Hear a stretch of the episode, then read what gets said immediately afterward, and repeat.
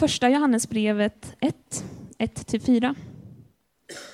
Det som var från begynnelsen, det vi har hört, det vi med egna ögon har sett, det vi skådade och med våra händer rörde vid. Om livets ord är det vi vittnar. Ja, livet uppenbarades. Vi har sett det och vittnar om det och förkunnar för er det eviga livet som var hos Fadern och uppenbarades för oss. Det vi har sett och hört förkunnar vi för er, för att också ni ska ha gemenskap med oss. Och vår gemenskap är med Fadern och hans son Jesus Kristus. Och detta skriver vi för att vår glädje ska vara fullkomlig. Och det här är dagens text. Varsågod Daniel. Tack så mycket Lisa. Första Johannes brev, Johannes brev, breven, några brev som jag har sett fram emot att få ta och, ehm, och gå igenom tillsammans med er och ehm, vi kommer att köra några veckor på temat Love Living, Live Loving. Lite av vårt, eh, lite så, signaturmelodi för United.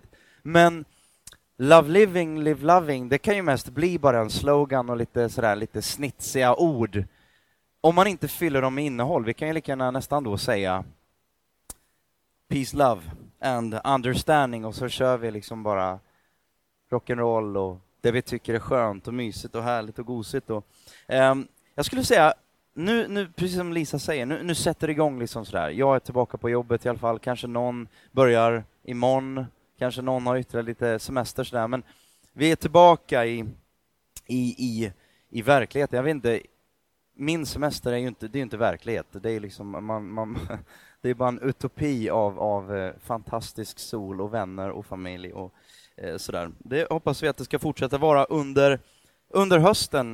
Eh, men det är också väldigt kul och väldigt spännande att komma tillbaka till jobb, till kollegor, till vänner. Och under den här hösten skulle jag vilja utmana, uppmuntra dig att, att inte vara som de här som ser på sitcom-serier och tv-serier och man tittar inte när de går under veckan, för man kan inte vänta, man orkar inte vänta liksom sådär till, till nästa avsnitt, utan man väntar till allt är över, och så, och så köper man den eller laddar ner eller streamar allt på en gång.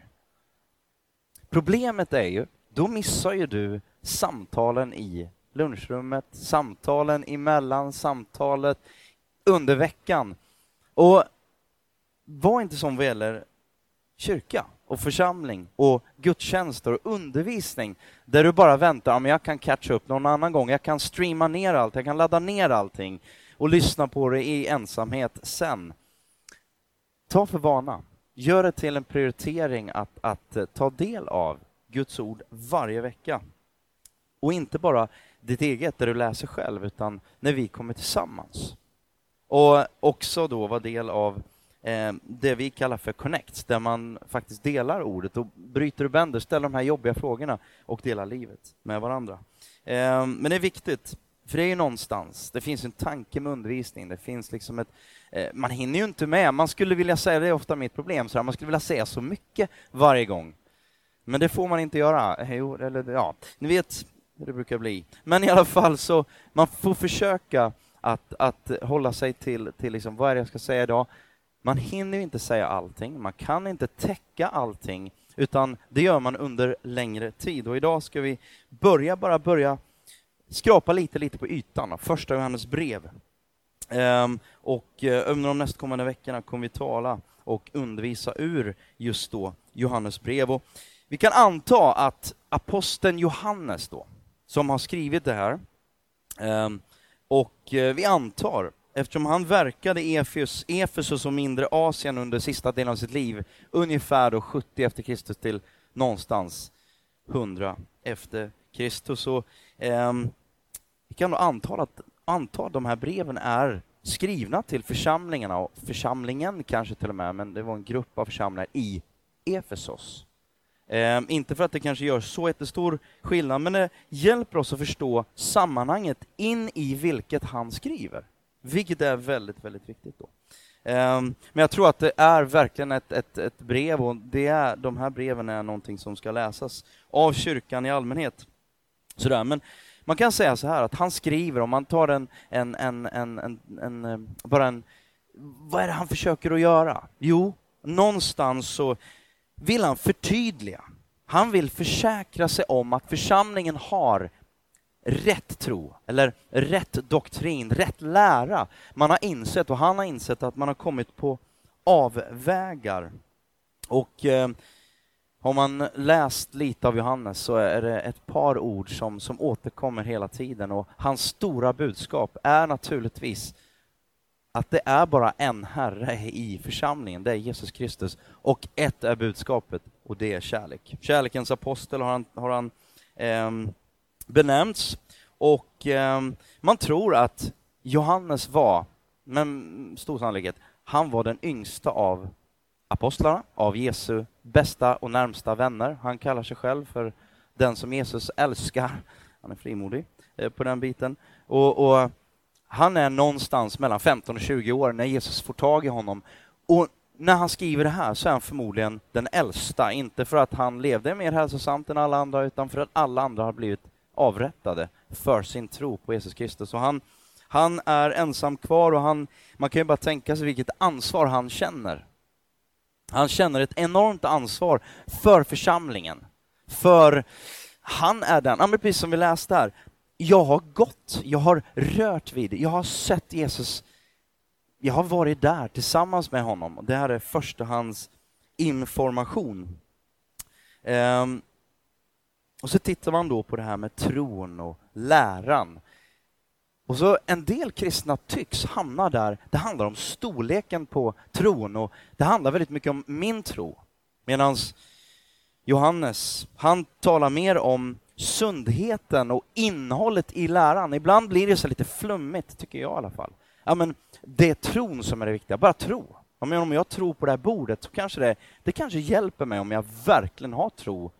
Liksom, det kanske hjälper mig rent mentalt. Men det här bordet kan inte hjälpa mig någonting.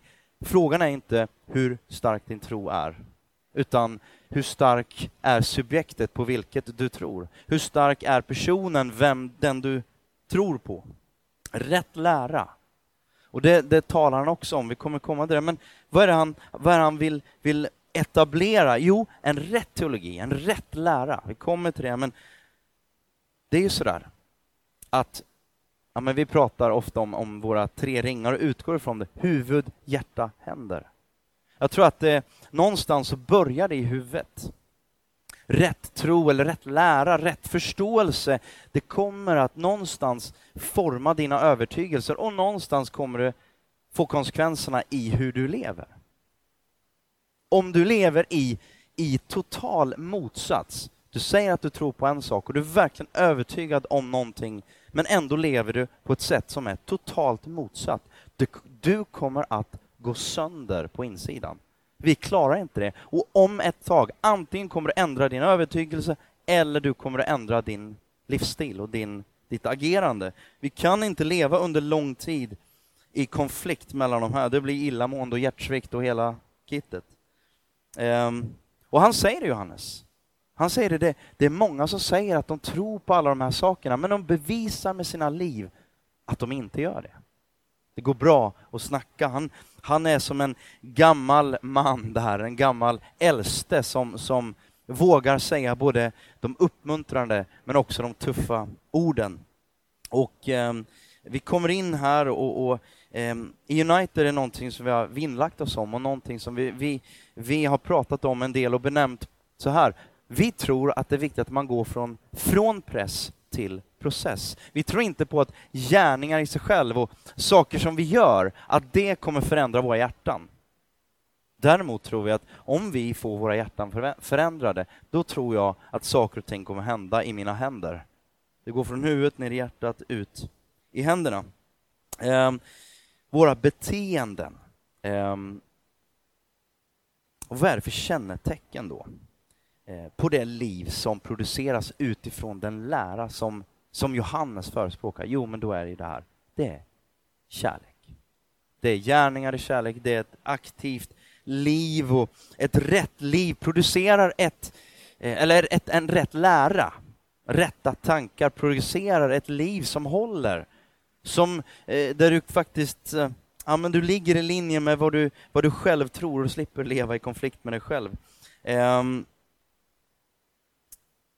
han är ensam kvar. Han känner sig nog, jag tror att han känner sig ganska ensam. Han har det här stora ansvaret på sina axlar där många har gått före. Och, eh, jag tror att han är ganska gammal, som sagt, 85 efter Kristus någonstans här nu då. Eh, och han, han ser då att församlingen består inte längre bara av första generationens lärjungar, utan inte bara andra generationens heller, utan förmodligen upp till tredje, kanske fjärde, någonstans där. Det är folk som har eh, kommit till tro ut efter vad de har hört andra har sagt. Och ganska så snart så ser vi också att det börjar, det börjar poppa upp en massa avarter. De har inte hållit fast kanske vid den här sunda tron, sunda läran. Eh, det är ju faktiskt ingen mindre än aposteln Paulus, som du kanske läst om i Nya Testamentet, han har skrivit stora delar av Nya Testamentet. Eh, det är han som har etablerat församlingen och församlingarna i Efesus. Och man kan läsa i apostlärningen om att när han lämnar församlingen för sista gången, så, vad ska man säga, profeterar, eller han talar ut och han, han varnar för att en tid efter att jag lämnar nu, så kommer det komma folk som, som eh, snurrar till era tankar, som, som eh, kommer att försöka att sätta sig på er. En del kommer försöka vinna över er och skapa partier och tjäna pengar på er och allt möjligt. Och mycket riktigt är det det som händer då. Ehm, och efter ett tag så ser vi att, att Paulus då, innan eh, Johannes skriver sitt, sitt, sitt brev här då, så, så skickar Paulus en av sina närmsta och mest betrodda män, Timoteus, som under många år är just i Efesos. Eh, han är där och han, han, är pastor och ledare där. Och, eh, men det är på något sätt som att, att Johannes ser ändå ett stort behov här och han skriver det här brevet. Eh, inte minst till församlingen där. Och, Faktum är att inte ens det är tillräckligt, för han återkommer i Uppenbarelseboken, sista boken i Nya Testamentet, Uppenbarelseboken kapitel 2, så står det så här, ni är kända, och då talar han till, till eh, församlingen och kyrkan i Efesos, ni är kända för era goda gärningar, ni är kända för, eh, ni är kända för er långa historia, men det här har jag emot er, att ni har övergivit er första kärlek. Kärlekens apostel, det är det han håller högst det är, alltså, kärlek, det är inte att snacka cheap. Det är inte att hålla på och prata och dona och säga en sak och göra en annan, utan det är ett, ett livs, en livsstil. Och det är väl mycket av det vi tänker. Love living. Live loving. Kommer till det, båda de bitarna. Ehm, men det råder förvirring bland de troende här i Efesos och, och ehm, ehm, det är som att den här gamle mannen kommer hit och bara, okej, okay, låt mig förklara nu hur det egentligen är. Jag har varit med ett tag. Jag är liksom en gamling, men mig kan inte, mig kan inte dribbla bort. Låt mig berätta, så här är det. Kom igen nu, kom tillbaka på banan. Så här är det inte, utan så här istället är det. För det som hade hänt då, det här har ni ju en del av er har läst det i historia och så vidare, men det som hände under de första 300 åren, en väldigt populär, eh, vad ska man säga, en rörelse, det var helt enkelt eh, gnosticismen som bröt fram. Gnosticismen, gnosos lika med kunskap på grekiska, eh, och det var ett ett nytt tänk kan man ju säga då, som växte ut och fick en grogrund, inte sällan bland och i den kristna församlingen. Jag ska förklara lite grann varför, men först innan vi gör det så titta på vad var det här gnosticismen? En del kanske har full koll på det, en del kanske inte riktigt har det. Eh, men man kan säga så här att ett problem med gnosticismen, ett tankemönster, en, en, ja, en ihopplockad, egentillverkad, liksom, ja men en religion. Ära vare Gud i höjden, detta har jag gjort i slöjden. Lite den känslan på det. Det var en, en cocktail av det mesta. Det var framförallt då grekisk filosofi blandat med kristendom, men även då vi har syriansk och persisk och egyptisk religion som, som, som ligger till grund för det här och judendom. Och man sa även, naturligtvis, en, en av favoritlärarna, det var Jesus. Han var en av favoritlärarna och även Paulus var väldigt, ja men han säger, de säger så mycket bra grejer, har ni hört det förut? De säger så mycket bra grejer. Gnosticismen då. Um, Och man tog in, man kan, nu ska jag förenkla det extremt alldeles för mycket så jag gör våld på det lite grann, men, men, men i korta ordalag. Man tog, man sa så här, allt som är bra, allt som låter bra, det kör vi på. Kom igen, vi pushar allt som låter bra. Det blir lite, nu ska vi inte vara elaka mot henne, men lite så här, hon, hon har ju ändå slutat med sina program, men Oprah Winfrey-grej, liksom, så här, allting som bara låter bra, det kör vi på och det, det pushar vi sådär. Det låter bra, det låter kanon och, och, och ja, men det kör vi på också, det här tror vi på.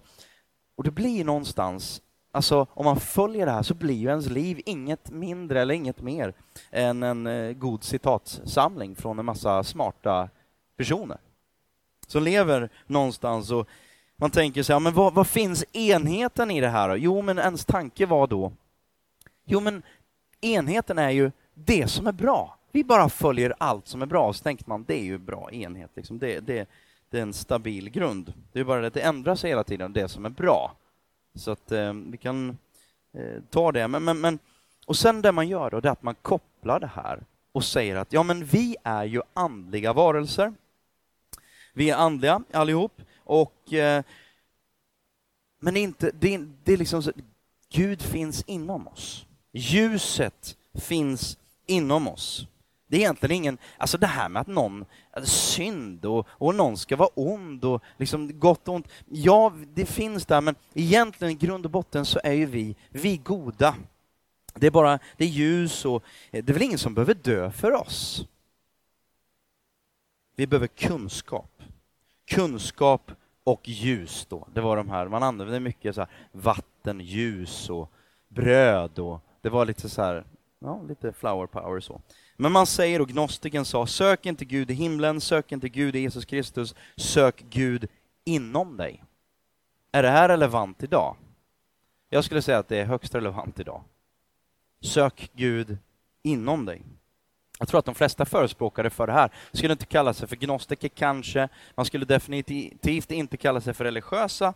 Ehm, man tror på människans kapital bara, människan är inte förstörd, människan behöver bara rätt förutsättningar för att lyckas. Man behöver ljus, kunskap, upplysning och eh, bättre idéer. Det är liksom, ehm, ja, life coaching. Och, och jag menar, det är ju inte det som är problemet menar jag. Problemet, och det som är ännu viktigare än vad jag menar, så är det vad Bibeln menar. Det är inte, det är inte svårt. Om problemet var, jag måste hitta alla de här 72 punkterna till ett bättre liv. Det hade vi kunnat lösa, tror jag. Det är bara att gå till eh, närmsta bokhandel och så skriver ner de 72 bästa liksom, tricken för att fixa ditt liv, fixa din plånbok, fixa ditt, liksom allting. Problemet är ju inte att vi inte vet vad det är som behöver göras. Problemet är att vi inte har kraften att genomföra det. Det är väl den stora, stora problemen. Eh, tappar vi tron, eller tappar vi läran, tappar vi fokus på det som är sant, så tappar vi snart också vi tappar också livet snart. Sen så kommer livet att följa efter och, och chansera. Ehm, och gnosticismen, de säger vi, vi gillar Jesus, han sa väldigt mycket bra, ehm, men vi tror inte att han är Guds son, därför Gud är helig och allting fysiskt, allting skapat, det är grundtanken i gnosticismen. Allt som är skapat, det är ont. Eh, liksom kroppen, köttet, allting, det är, det är det är syndigt, det är ont, och Gud skulle därmed aldrig ta sin boning i någonting som är ont. Alltså är Jesus inte Gud, han kan inte vara Guds son. Och vi kommer åter till det här med begreppet synd och ondska och den biten om några veckor. Sådär. Men två olika inriktningar inom gnosticismen. Det första är då, som jag ska bara nämna kort, det är hedonismen. Hedonismen. Vad ska man kalla det? Jo, men det är väl någonstans dekadens deluxe. Dekadens über mega, liksom bara fläk ut dig. Hänget dig åt all tänkbar njutning, matdryck, perverterade sexuella utsvävningar, missbruka gärna din kropp, för det gör ingenting. Gud ser och är bara intresserad av hjärtat och själen och det som finns, och anden snarare, ehm, det som finns här inne. För kroppen spelar ingen roll. Gör vad du vill. Och det här går Johannes med till rätta eh, lite senare. Hur kan ni mena att det är okej okay att göra sådär när ni följer Gud, säger han. Eh, och då tänker de, jo men det är därför att vi är präglade av gnosticismen, och det här det man gör med kroppen, det påverkar ju ändå inte Gud. Känner vi igen någonting av de tonerna idag? Nej, men det spelar väl ingen roll, Gud ser ju till hjärtat. Hur många av er som, som har en käresta eller liksom, eh, ja, man kanske har, har gift sig eller det är någonting. Vi tar ett bröllop. Det är ingen som bara, ja men vi gifter oss med varandras hjärtan. Vad vi gör med våra egna kroppar sen, det spelar ju ingen roll. Det, du, du har fort, jag har legat med alla de här, men eh, du har fortfarande mitt hjärta. Jag lovar dig. Det är inte så många som ändå köper den uppgörelsen. Tycker det är inte min liksom, förståelse. Gud älskar ju mig. Ja, men det du sysslar med, du är på väg åt helt fel håll. Ja, men jag har frid över det här. Det känns bra. Jag tror Gud är med mig i alla fall. Och då är vi på det här med känslor. Känslor är ju bra. Känslor har vi, de är viktiga. Men det är katastrof när vi låter våra känslor definiera vad som är sant. När vi låter våra känslor vara det som, som säger att det, här är, det här är mitt liv, det här är sant, det är det här som är mina, det här är mina värderingar, det som känns bra, det är rätt för mig. Det spelar väl ingen roll vad jag gör med kroppen, med mitt hjärta. Det är mitt hjärta som Gud, Gud ser. Eh, ska inte gå in så mycket mer på det, men, men en, en annan falang då, för man, man märkte nog efter ett tag att det där blir inte speciellt fräscht efter alla orger, efter all, all perversion, så märkte man att det var inte så många som tyckte det där var, var så bra i, i slutändan. Och det var inte så attraktivt. Ehm, och då blev den mer fanatisk, någon, någonting av gnosticismen som väx, växte fram då, Ehm, det vi kallar för asketism. Där man sa samma sak, kroppen är ond, men man gjorde då slutsatsen, drog slutsatsen, den ska förgöras. Allting, allting som har med kroppen, njutning, allting som har med nöje att göra, det som är roligt, det som är bra, det som, allting, det ska förgöras, det ska förintas och, och eh, kroppen måste betvingas. Vi måste ha skarpa gud, nej, bud och regler för att, för att tvinga den här onda kroppen till lydnad. Vi gör allt vi kan Eh, varje lust, varje begär, varje drift är av ondo och ska förtryckas. Ibland ser vi ganska tydliga motreaktioner på, på det, det evangelium som, som, som Bibeln ger oss och, och, när vi ser då människor som, som nej men det, är för, det, det är för bra för att vara sant. Vi måste ha lagar, vi måste ha regler, vi måste ha vi måste förgöra, vi får inte förlusta oss, vi får inte ha roligt. Vi kan inte älska livet. Vi tror på att älska Gud, älska livet och älska människor. Vi tror att Gud har gett oss allt det. Ehm, jag menar, Gud skapade ju världen. Gud skapade, han sa att det skulle låta vara ljus och ljus kom och han sa det var gott. Han skapade människan, han såg det var gott. Han skapade hela skapelsen, han såg att det var gott.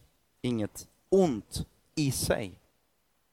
Ehm, um, gnosticismen, man tillber och söker kunskap och naturligtvis är det inget, de här olika lärarna som fanns på den här tiden, som kom in i församlingen, då var det liksom sådär, det var inget roligt att pra bara prata om det som alla andra pratade om, utan snarare så ville man ha någonting som alla skulle säga ”Wow, det har jag aldrig hört innan”.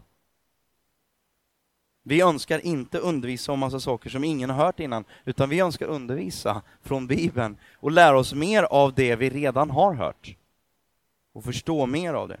Ehm, och jag skulle säga så här, gnosticismen växer även idag.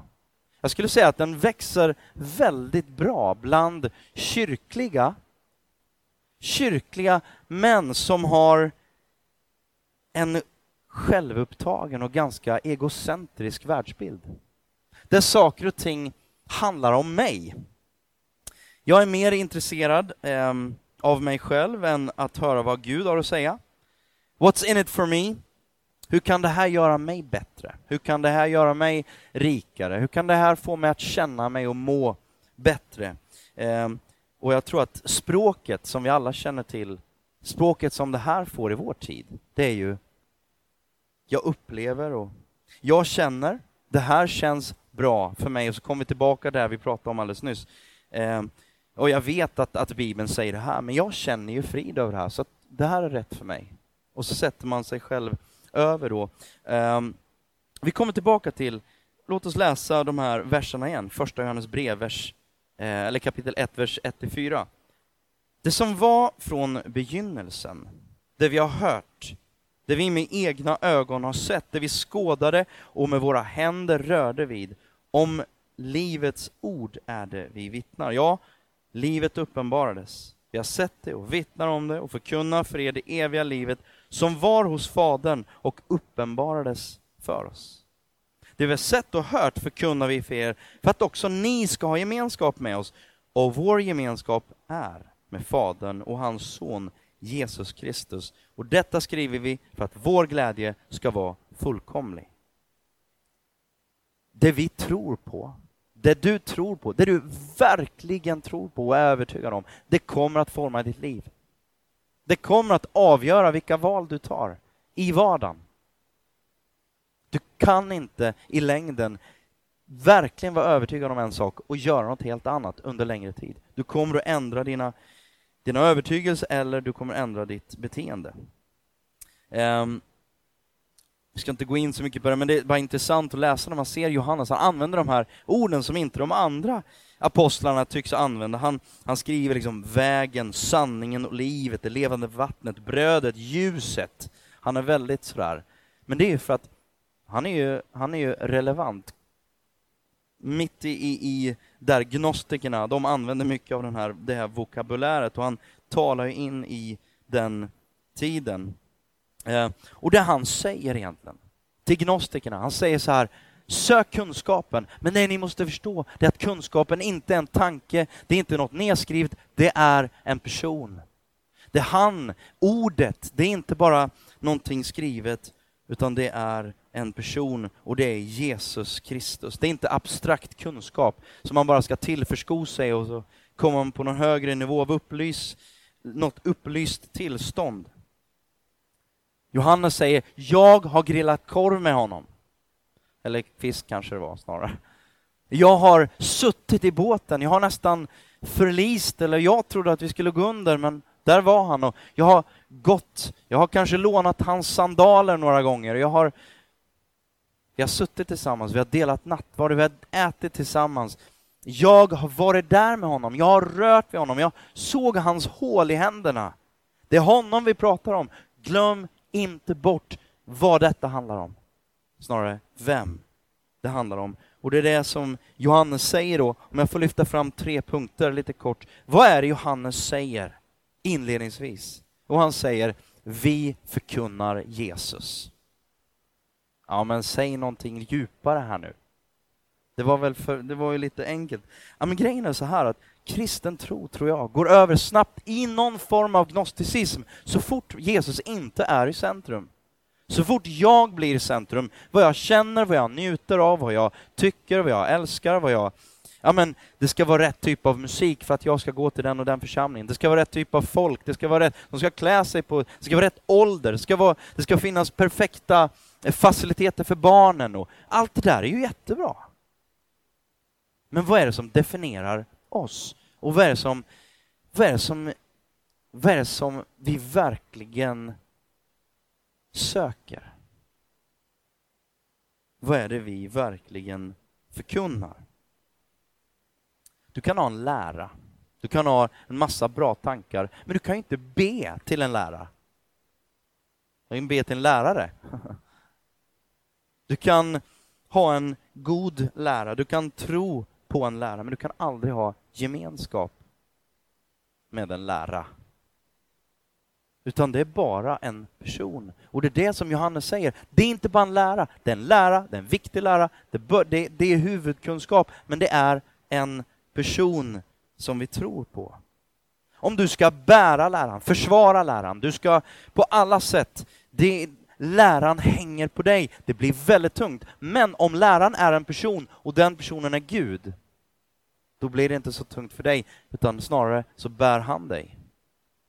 Du behöver inte bära Gud. Vi förkunnar Jesus. Punkt nummer två. kan man ju tänka, men My name is Bond, James Bond. Det här låter som samma punkt, men det är en ganska stor skillnad då. Vi förkunnar att Jesus är Kristus. Vad betyder det? Jag tänker att det är bara hans efternamn, men det är så mycket mer. Det är egentligen beskrivningen på vem han egentligen är. Fram till han var 30 år så han var fortfarande Guds son, och, och, men han hade inte kommit ut ur garderoben riktigt Han hade ju inte börjat göra sina eh, liksom miracles och, och eh, han hade inte visat andra. Han behövde inte bevisa för någon, eh, och speciellt inte för sig själv och sin far, vem han var. Men han kliver ur garderoben och han visar vem han är, och då blir det liv i luckan ganska snart. Ehm, men det hände inte så mycket första tiden. Utan jag tror att om du på samma sätt då bara följer Jesus utan att följa honom som Jesus Kristus kommer råka ut för samma sak. Det händer inte särskilt mycket. Jesus Josefsson där och han, han, han, han är en av många gurus bara. En av många kloka visdomslärare från Mellanöstern. Jag tror så här, jag tror att du kan, du kan citera Gör mot andra som du vill att andra ska göra mot dig hela dagen. Hur många dagar som helst. Fram till att du blir irriterad och slår någon. Det är så enkelt att tro att ja, men det är bara de här visdomsgrejerna han sa. Eh, men det är först, och det Johannes påpekar och, och så tydligt vill få dem att förstå, det är Jesus Kristus. Glöm inte bort, han är inte bara en, en av många visdomslärare.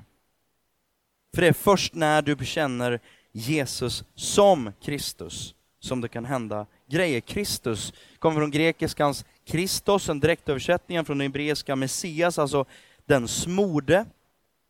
Um, för en jude, om du säger Jesus Messias, då händer det grejer.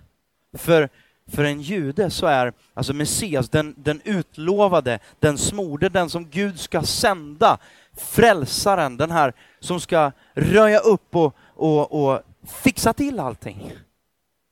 Då förstår man hur stort det är. Den smorde, och då är det inte kanske direkt sololja på stranden, utan det, men det, det är olja i alla fall. Och faktum är att i Gamla Testamentet, jag kan inte dra någon lång kring det, men det Gamla Testamentet då, där den smorde, där smorde man tre olika typer av, av, av personer. Eh, och man hade, man ser tre tjänster kan man säga. Eh, du hade profeter, du hade präster och du hade kungar. Någonstans kan man säga att man, det är lite som lite Kristusgestalter. Flera av de här, eh, jag menar, kung David, vi har undervisat ur, ur eh, Saltaren här, han har skrivit flera av, av, av salmerna och han, han, han var en av Israels största kungar och på något sätt så, även om han gjorde fel och så vidare, så kan man ändå se Kristus gestalter genom gamla, gamla testamentet. Och, eh, tron.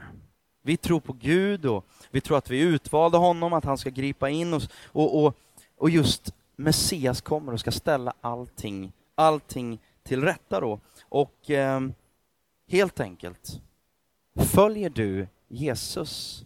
Eller är Jesus din Kristus? Vi tar sista poängen, eller rättare sagt, är Jesus, är han också Kristus i ditt liv? Om man nu tar och lånar de här, de här bitarna från Gamla Testamentet då. Han är profet, han är präst och han är kung. Jag tänkte jag skulle bara beröra dem för att, för att prata lite grann eh, om vem Jesus var. För han var inte bara präst, utan han var överste präst. Han var inte bara profeten och, och den här som sa en massa bra saker, utan han var, han var Guds ord och kungars kung som ska regera för alltid. Han ska frälsa oss, han ska rädda oss. Ehm, Judarna, som sagt, de sa inte att Jesus var Messias, för det var så starkt. Om de hade gjort det hade de bekänt att han var Guds son. Gnostikerna sa inte heller att han var Kristus, utan de sa att han var Jesus från Galileen då. Jesus, han var en god man som sa en massa kloka saker. Men frågan är om Jesus bara förblir Jesus eller om han är också Kristus. Och min och din Kristus. Den första biten då, det här kan kännas lite så old school, men bara för att nämna de här, använda de bilderna. Din profet, vad var profeten för någonting i Gamla Testamentet? Jo, det var någon som förde Guds talan till människor. Tog Guds ord, berättade ofta, när man läser, så var det en tillrättavisning, ganska kargt, ganska tufft. Och det var liksom så här, så här är det, och sån här är du, och du är stekt. Ungefär så. Det var liksom, det var ganska tuffa puckar ofta. Eh, men också eh, uppmuntrande, trösterikt, ofta konfrontativt. Men alltid 100% uppbyggande i slutändan. Det är ungefär som när, vi, när man säger till ett barn, eller man till och med drar hårt i armen på barnet som håller på att springa ut i vägen. Det gör man ju inte av bara ren ondska förhoppningsvis, utan det gör man av kärlek.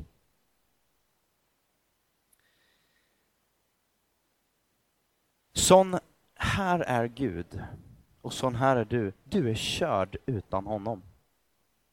Eh, gnostikerna, de, de erkänner ju att Jesus har, han, han har en massa bra idéer, men inte att han är sanningen. De sa, ja, ja visst, Jesus kanske har sagt, men Aristoteles har också sagt, eller Richard Dawkins har ju också sagt, och därmed så är han bara en av många. Så Jesus är egentligen inte min profet, för jag har en massa andra profeter, och det står, saker och ting står inte och faller med det Jesus kallar för sanning. Utan jag har mina egna sanningar, jag har min egen variant av det hela. Nästa bit då, han är även präst. Om han är min Kristus, då är han också min präst. Vad är en präst då? Jo, om profeten är den som för Guds talan så är prästen den som för din talan inför Gud, väldigt enkelt förklarat.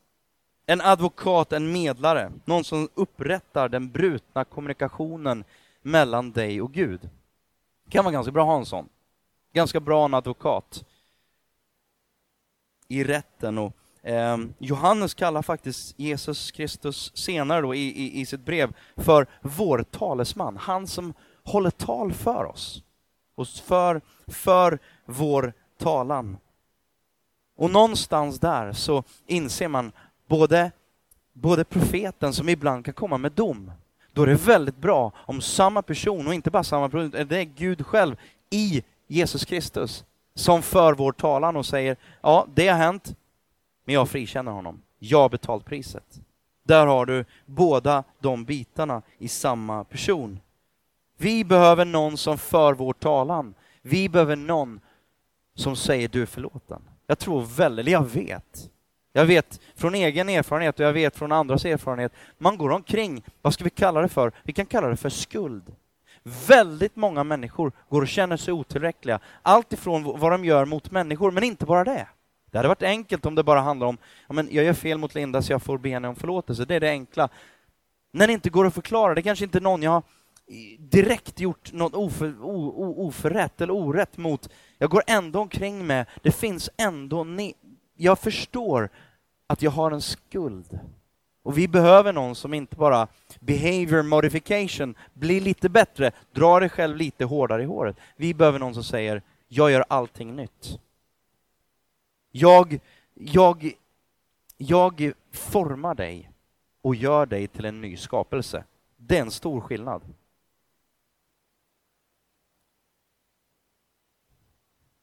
Det sista som jag avslutar med, det är att han är också våran kung.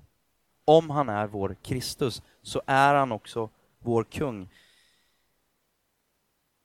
Bibeln undervisar att Jesus är just kungen, inte en kung som poserar med ett jaktgevär och ser lite snygg ut. utan kungen som säger kom och följ mig. Kungen är den som drar ut i krig för att skydda dig. Han är den som är beredd att dö för dig. Han är den som vill leda dig. En kung som förbefälet som bestämmer. En tafflig bild kanske. Men vad finns det för landskap? Vad finns det för län och landskap i våra liv som på något sätt gör upp, uppror mot Kristus, vår kung? Det är lätt att säga, Jesus är bra, han är min präst, han är min profet, oftast i alla fall, min kung, utom i plånboken. Eller utan i brallan, utan av vad det nu är för någonting. Det är så lätt att ha kvar det här området i sitt liv där han inte är kung. När barnen ska sova, då är man ju så fruktansvärt tråkig.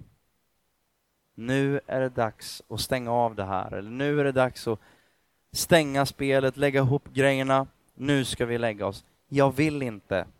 Jag förstår inte. Jag är inte trött. Jag vill inte sova. Men då får man inse att okej, okay, nu är jag lite av barnens profet, för jag vet bättre. Jag älskar dem så mycket så att jag, jag behöver hjälpa dem att komma i säng. För jag vet vad som händer imorgon, och jag vet vad som händer definitivt i övermorgon om de inte sover ordentligt. Och det är inte en pretty sight. Vi är precis likadana. Med Gud. Vi ser inte den större bilden och vi spjärnar emot och vi, jag vill inte, jag förstår inte, jag, jag, jag vill vara uppe, jag vill göra det här, jag vill göra det här, det här, det här, det här. Och vi blir lite som gnostikerna. Vi kan bättre. Det var en bra idé Gud, men jag har en bättre. Johannes avslutar, och det gör jag också, med de här orden. Detta skriver vi, eller detta talar vi, för att vår glädje ska vara fullkomlig. Det här berättar jag, och, och det han kommer att berätta då, han, han är ganska så tuff stundtals, men det gör han för att våran glädje ska vara fullkomlig.